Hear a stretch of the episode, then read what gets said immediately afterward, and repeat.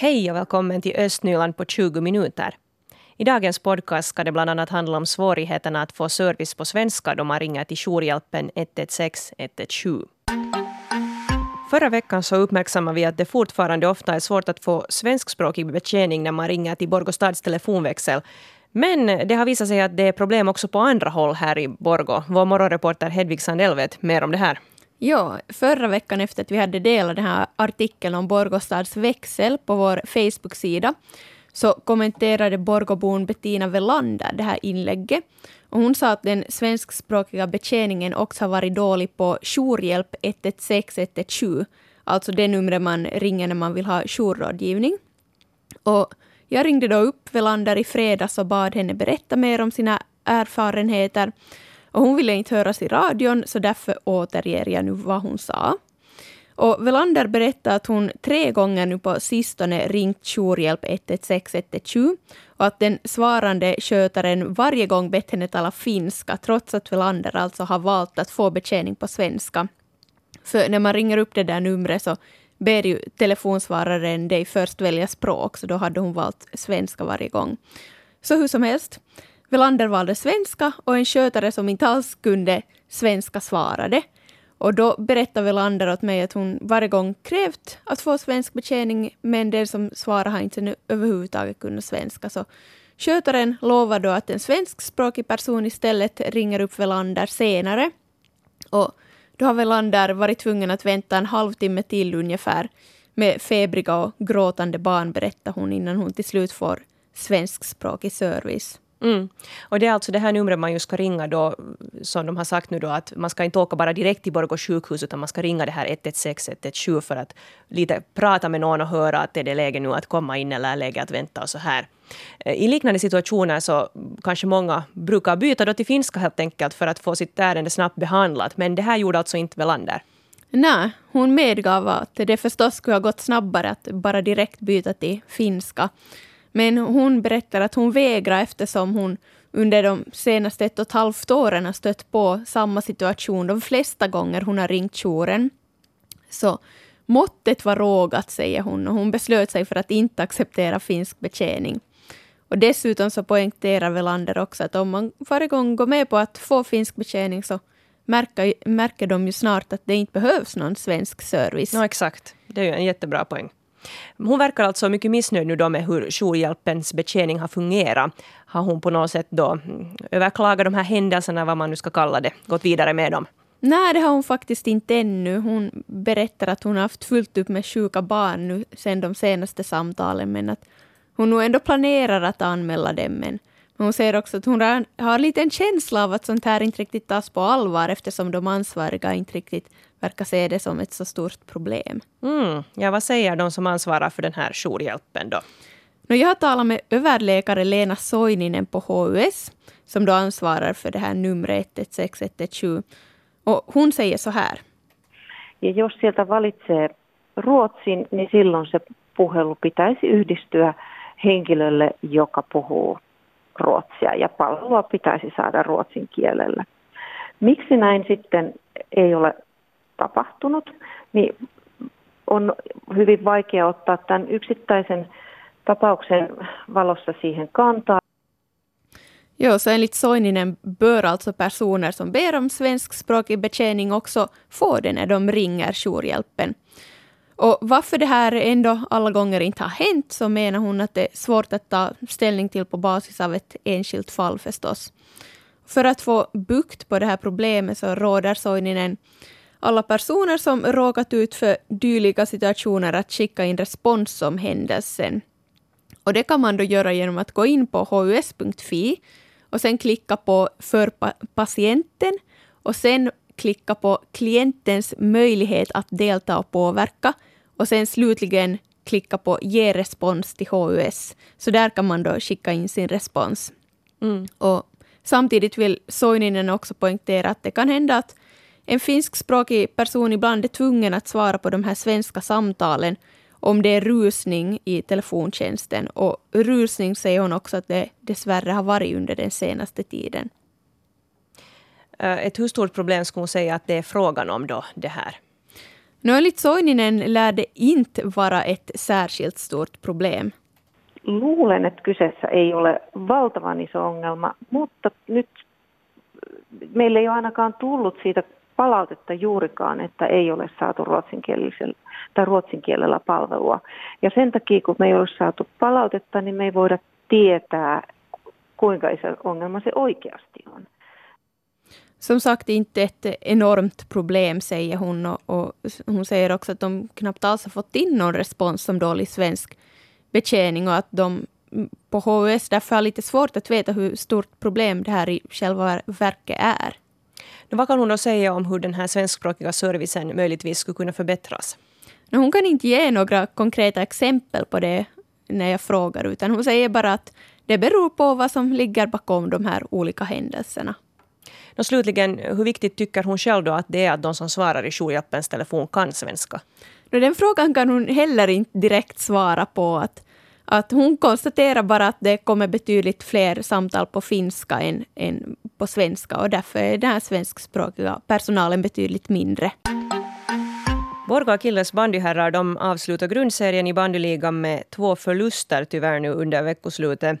I lördags så spelade Akilles mot Veitere i Vilmanstrand och förlorade med 9-2. Och i fredags så förlorade Akilles hemma mot VP35 från Varkaus med 1-6. Och Akilles blev då slutligen fjärde i grundserien. Och nu i kvartsfinalen så möter Akilles Narukera från Björneborg som slutar på sjunde plats i grundserien. Jag har nu Rasmus Kettunen från Borgå Akilles här. God morgon. God morgon. Har du två förluster under veckoslutet och en fjärde plats i grundserien. Hur ser du på det resultatet? Nej, man kan inte vara nöjd med, med det resultatet. Jag känner att vi inte, inte riktigt har fått ihop det eh, under grundserien, men, eh, men samtidigt, eh, nu börjar slutspelet igång och, och då är det, vi vet att vi kan slå alla lag och då är det vinsten som räknas. Så, så jag tror starkt på oss att vi kommer gå långt i år. Mm. Nu om vi ännu ser på veckoslutet, så hur skulle du beskriva ett spel då? Äh, det, är, det är lite svårt. På, på fredagen där, då har vi ju allt att spela för. Vi, vi har chans att bli tvåa i grundserien, då får vi välja våra, våra kvartsfinalmotståndare. Men eh, sen när vi, vi förlorade den matchen och, och ska åka till eh, och spela vidare. så nej, då nej, det var inte bra. Men, eh, men samtidigt vet vi att vi kan vara jättebra om vi får ihop det. Mm. Och ni har haft lite skador inom laget har jag förstått. Hur är läget nu? Ja, det har varit lite skavanker men, eh, men jag vet faktiskt inte hur det är med, med Nappe och, och Sami, om de kommer kunna spela, men, men eh, vi får se. Ja, men två, två viktiga spelare är skadade, eller har varit skadade i alla fall. Ja, mm. absolut. Nå, på onsdag gäller det då mot Narukere, första kvartsfinalmatchen av tre. Vad väntar du dig av motståndarna? Ja, men Narukere är ett bra lag, absolut. De har några jätteduktiga spelare och, och duktiga skridskoåkare hela laget.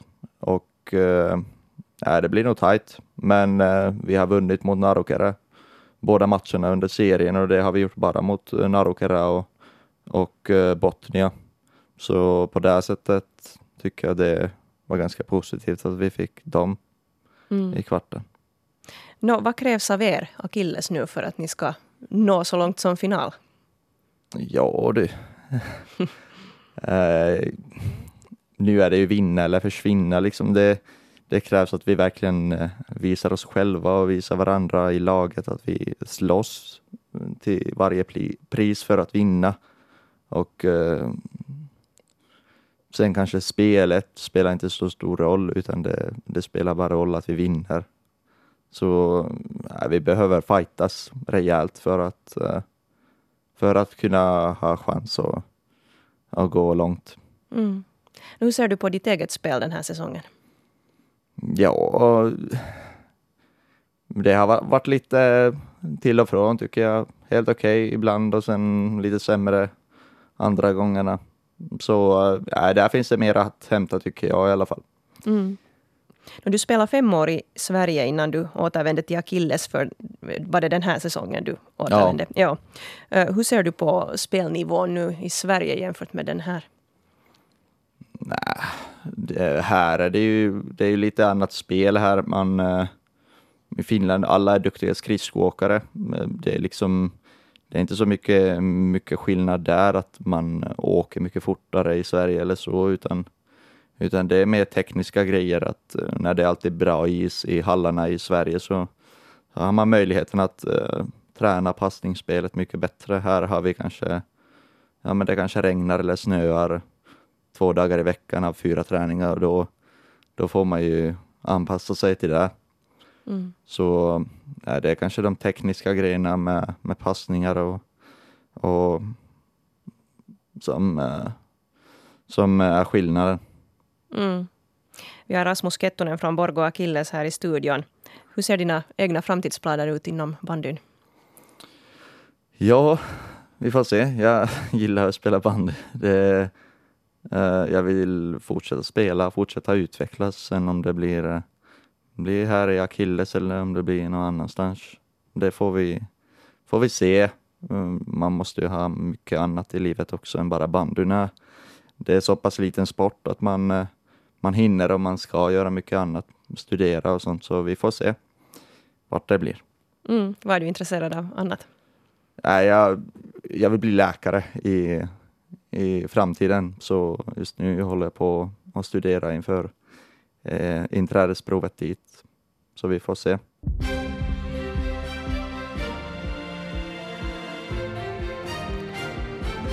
Klockan är halv nio. Nu senaste nytt från regionen Östnyland. Jag heter Stefan Härus. God morgon.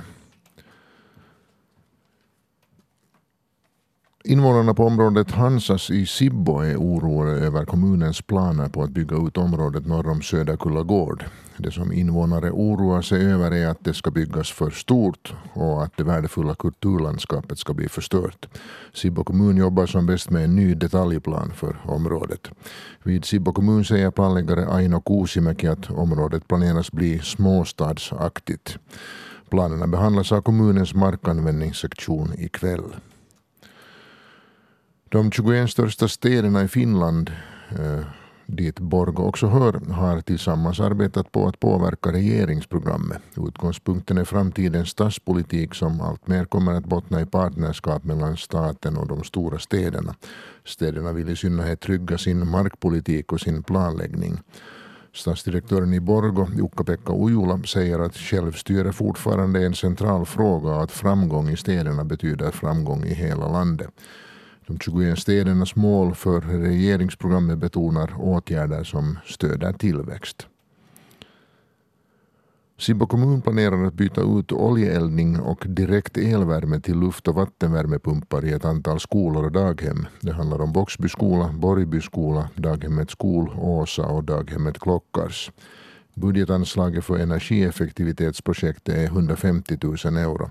En lika stor summa för liknande projekt ingår i ekonomiplanen för de följande tre åren. Tekniska utskottet i Sibbo ska ta ställning till frågan vid sitt möte idag. På grund av det exceptionella snöläget är en del avfallstransporter i Östnyland försenade. En del tömningar har blivit ogjorda eftersom sopbilarna inte kommit fram till fastigheternas avfallskärl uppger man vid avfallsbolaget Rosk'n'Roll.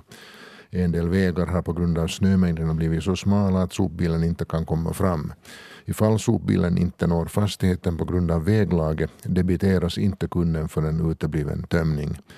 Om vägens eller gårdens underhåll är på fastighetens ansvar så debiteras däremot kunden också för ett uteblivet besök.